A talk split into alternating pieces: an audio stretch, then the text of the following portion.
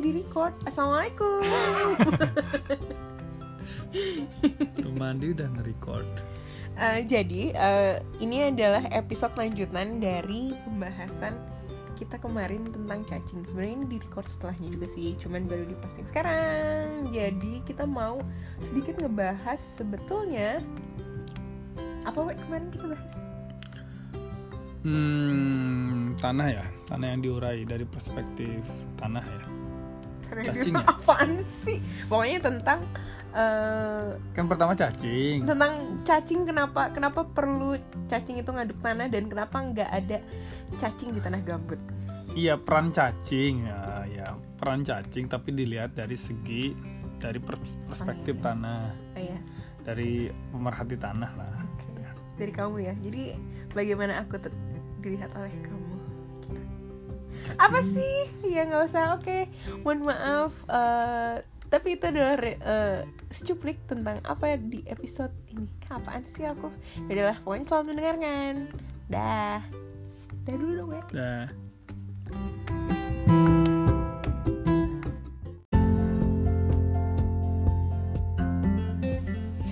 nah wawe sekarang giliran aku.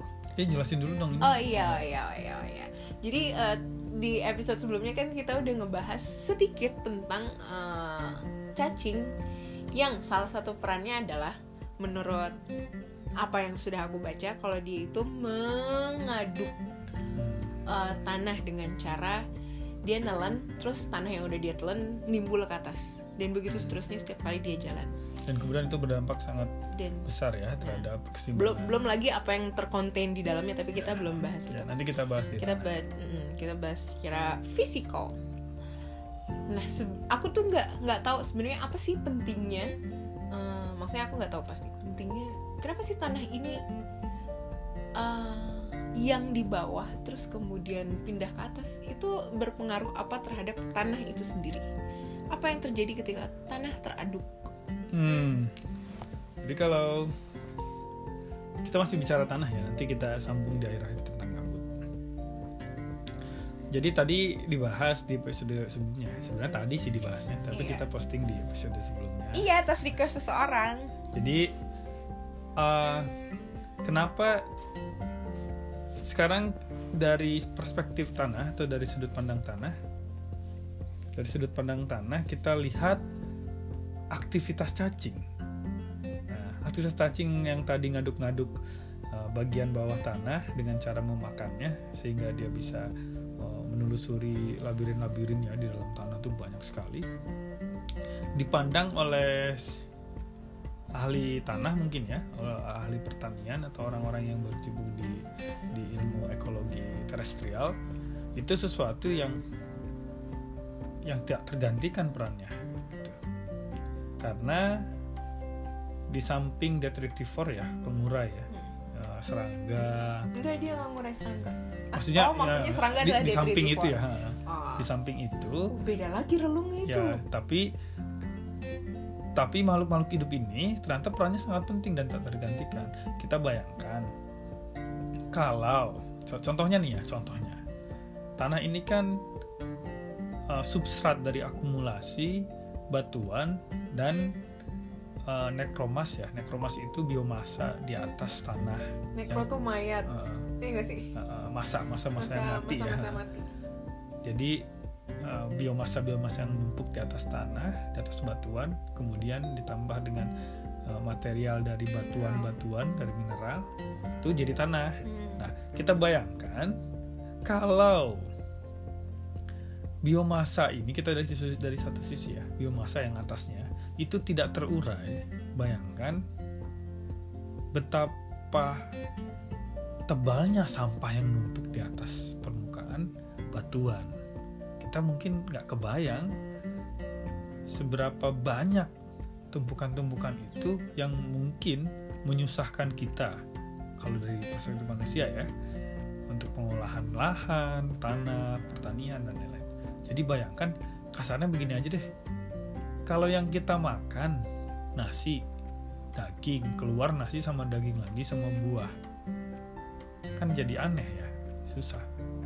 Kebayangnya dan itu fungsinya malah jadi tidak jadi karena nutrisi nutrien nutriennya sia-sia sia-sia. gitu Nah, nggak nggak nggak ada yang fungsi nyerap ya, fungsi dari detritivore dan pengurai seperti cacing itu adalah mengaduk betul tapi singkatnya kata mengaduk itu fungsinya sebenarnya lebih besar. Mereka itu mengurai sambil mengaduk kemudian meremajakan dan juga pada akhirnya adalah memantangkan substrat tanah sehingga menjadi habitat terestrial tersendiri untuk banyak makhluk hidup termasuk di manusia. tunggu. Apa itu tanah matang Tanah matang ini dari dari kalau dari perspektif uh, pembentukan tanah itu namanya ada ada weathering. Weathering itu adalah pembentukan tanah. Proses weathering itu proses pembentukan tanah. Tanah itu uh, kalau misalkan kita dari sudut pandang ini ya fisikal ya dari batuan yang keras yang kompos yang di- disusun oleh mineral-mineral dan metal-metal ya logam-logam mineral dan lain-lain. Silika aluminium besi dan kemudian alkali eh, dari dari kerak bumi. Kemudian melunak menjadi tanah sehingga bisa petani cangkul dibajak nah. Sebenarnya si tanah ini tunggu boleh kan bentar dulu? Ya boleh pentingnya adalah dia sebagai media pijak. Ya medi ya pertama batas antara atmosfer dengan litosfer atmosfer dengan Nah, jadi batas antara ini kan kelihatan gradasinya ya. Keras. Eh, litosfer apa sih? Litosfer itu batuan kan. Hmm. keras kemudian melunak. jadi tanah kan. Terus kemudian ternyata ada lagi prosesnya nggak berhenti itu setelah tanah. Ada proses namanya Iya. dari dari dari padat ke udara apa ke gas namanya Nyublim. sublim ya. Jadi ada namanya re- eh, mineralisasi yang menyebabkan perubahan bentuk padat menjadi bentuk Oh gas. jadi oh tunggu tunggu tunggu ini jadi merubah sudut pandangku agak berubah sih. Jadi keras agak lunak. Jadi udara. Gas. Iya, begitu. Ya ampun hmm. Ya, tengah-tengahnya ada air lah. itu tanah ya. Itu Tanah. tugasnya Nah, tanah ya? Nah, salah satu peran yang membuat itu jadi jadi eh, chainnya ya, rantainya itu jadi jadi berlanjut ya adalah cacing itu. Jadi bayangkan fungsi cacing itu se, krusial itu. Tunggu. Jadi apa? Kenapa kenapa harus teraduk? Eh tadi supaya sampah Eh, yang teraduk di atas itu sebenarnya ketutup bukan bukan teraduk itu nggak nggak signifikan sebenarnya. Yang signifikan itu adalah dia itu mentransformasi bentuk bentuk eh, fresh ya eh, mineral fresh menjadi mineral yang gampang untuk terurai dan eh, tersedia oleh tanaman, oleh makhluk hidup yang lain, terutama terutama tanaman sebenarnya.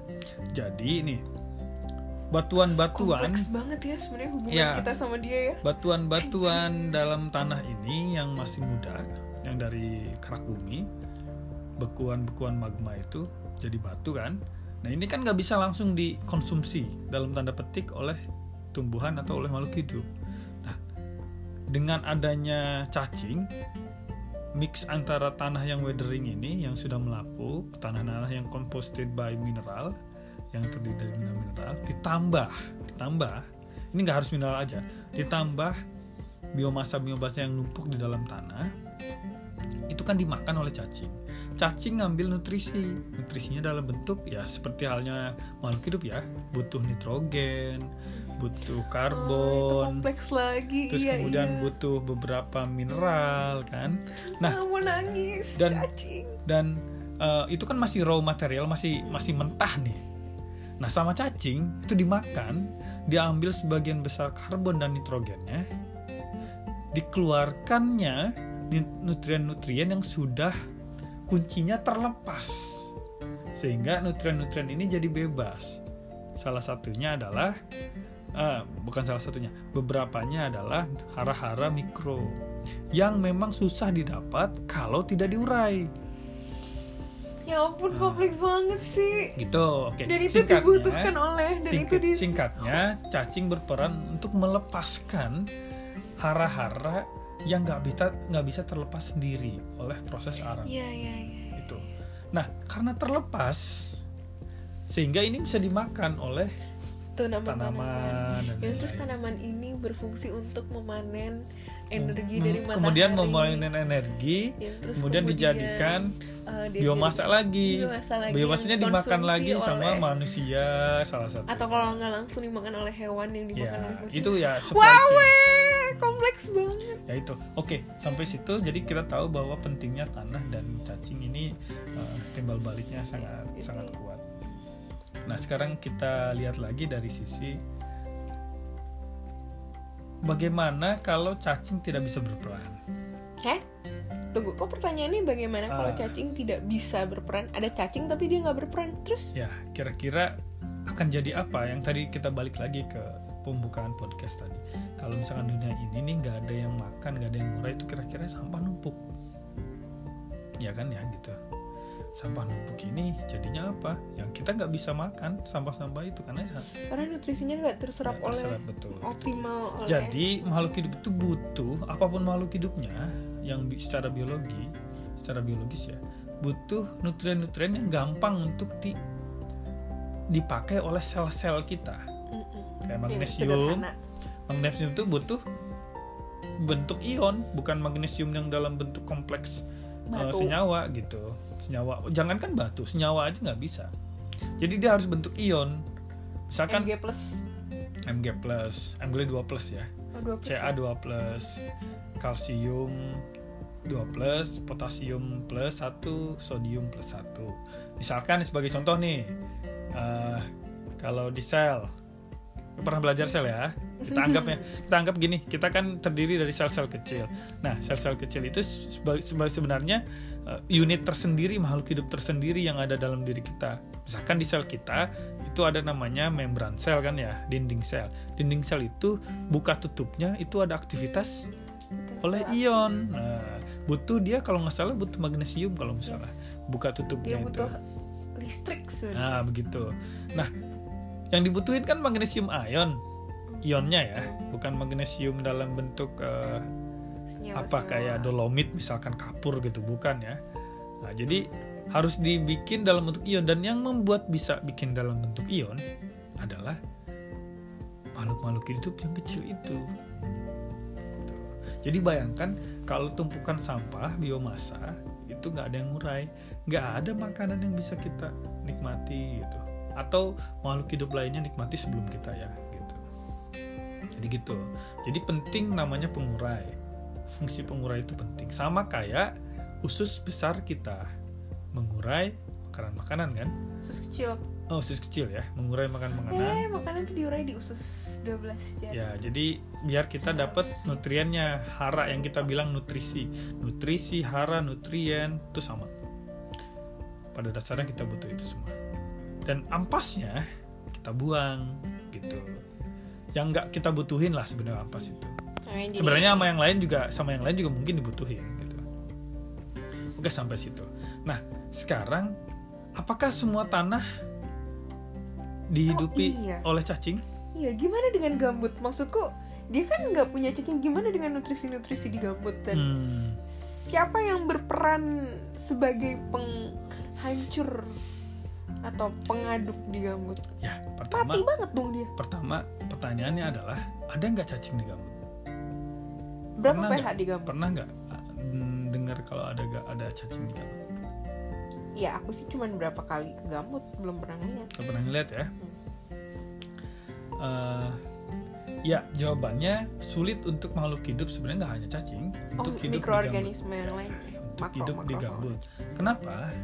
Banyak faktor pembatas untuk hidup makhluk hidup di gambut. Pertama, faktor eh kita tilik dulu ya.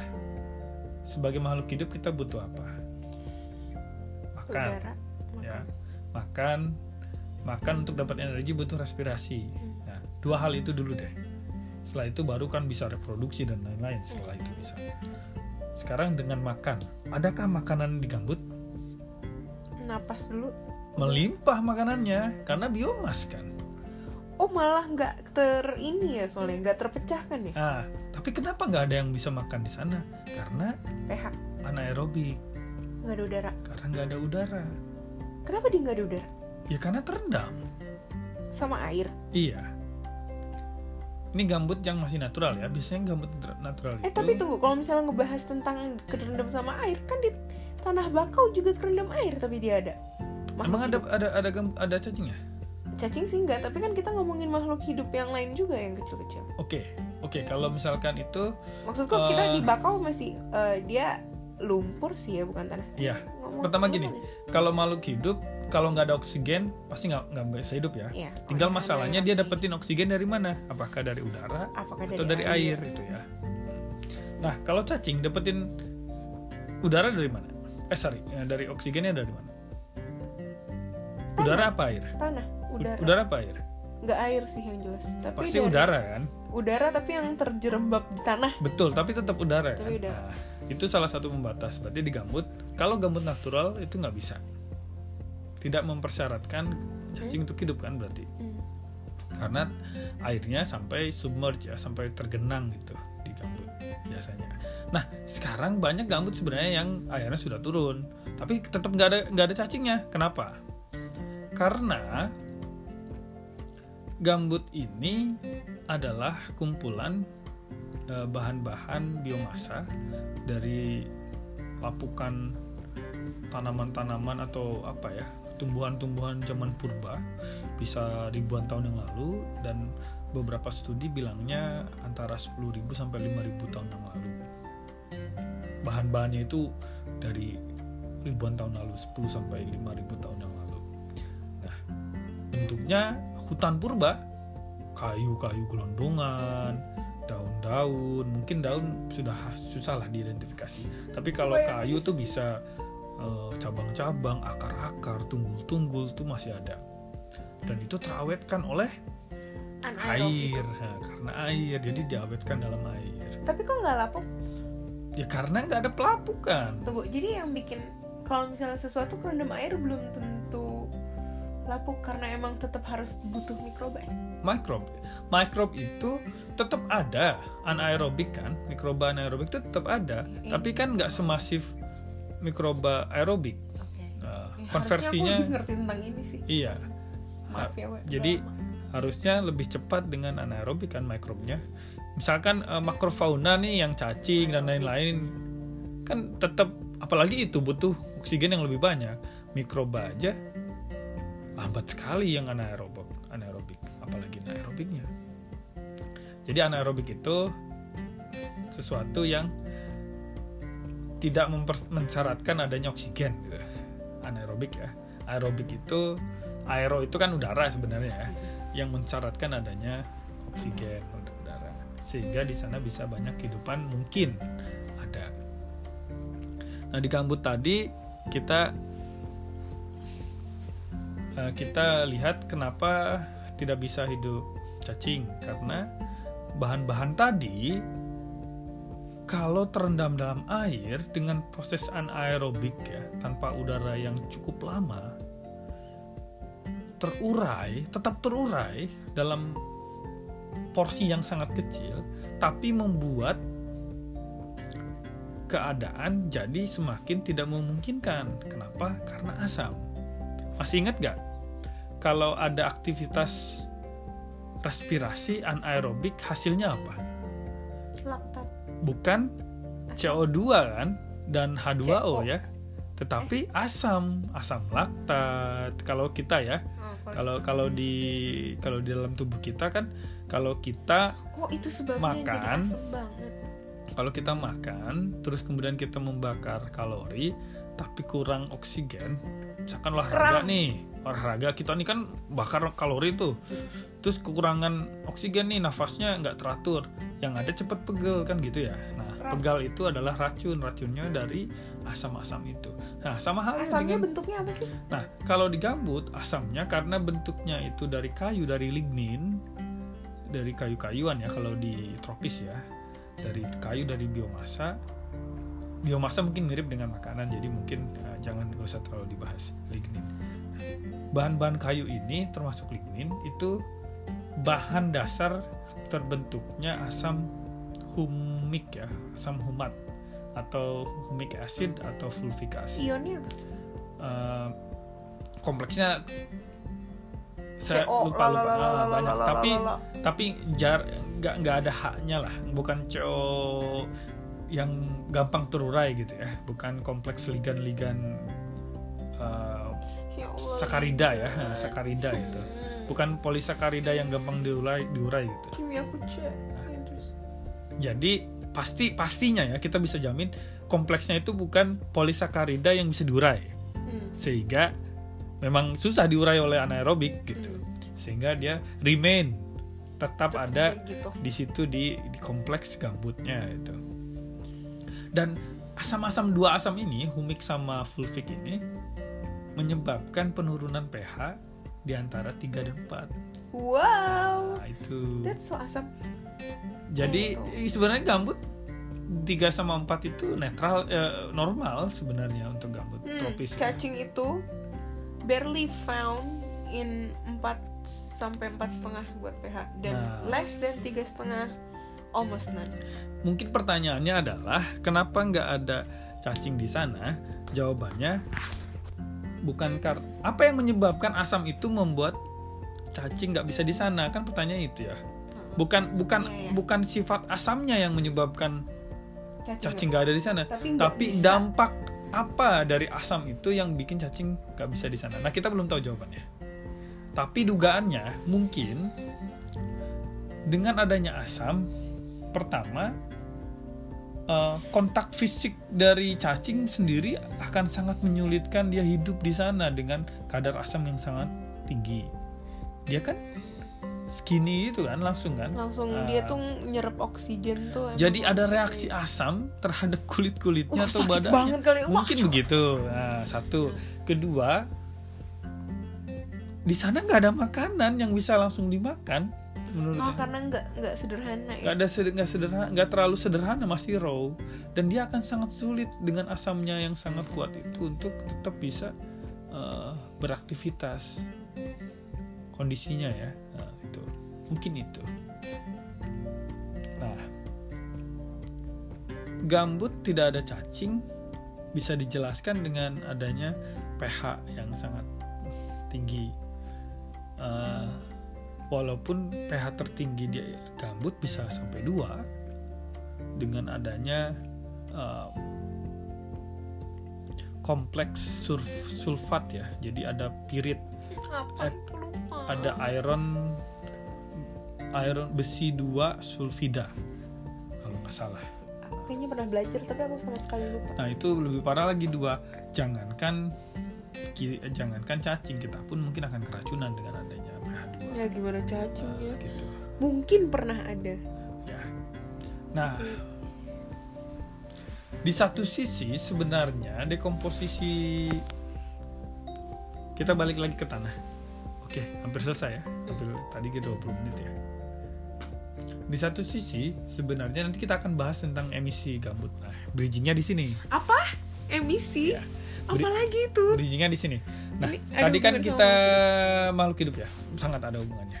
Tadi kita bahas tentang cacing yang mengurai tanah sehingga banyak nutrien atau banyak unsur yang terekspos, bukan terekspos sebenarnya rilis ya, lepas gitu. Nah, ikatan-ikatan kunci kimianya tuh lepas gitu, sehingga eh, bebas. Nah, salah satu yang lepas itu adalah karbon dioksida yang kita tahu bahwa karbon dioksida juga Asam. penyumbang Asam. emisi. Nah, nanti kita bahas di emisi gambut karena dekomposisi. Nah, di satu sisi dekomposisi ini penting untuk merilis nutrien-nutrien yang ada di tanah oleh cacing.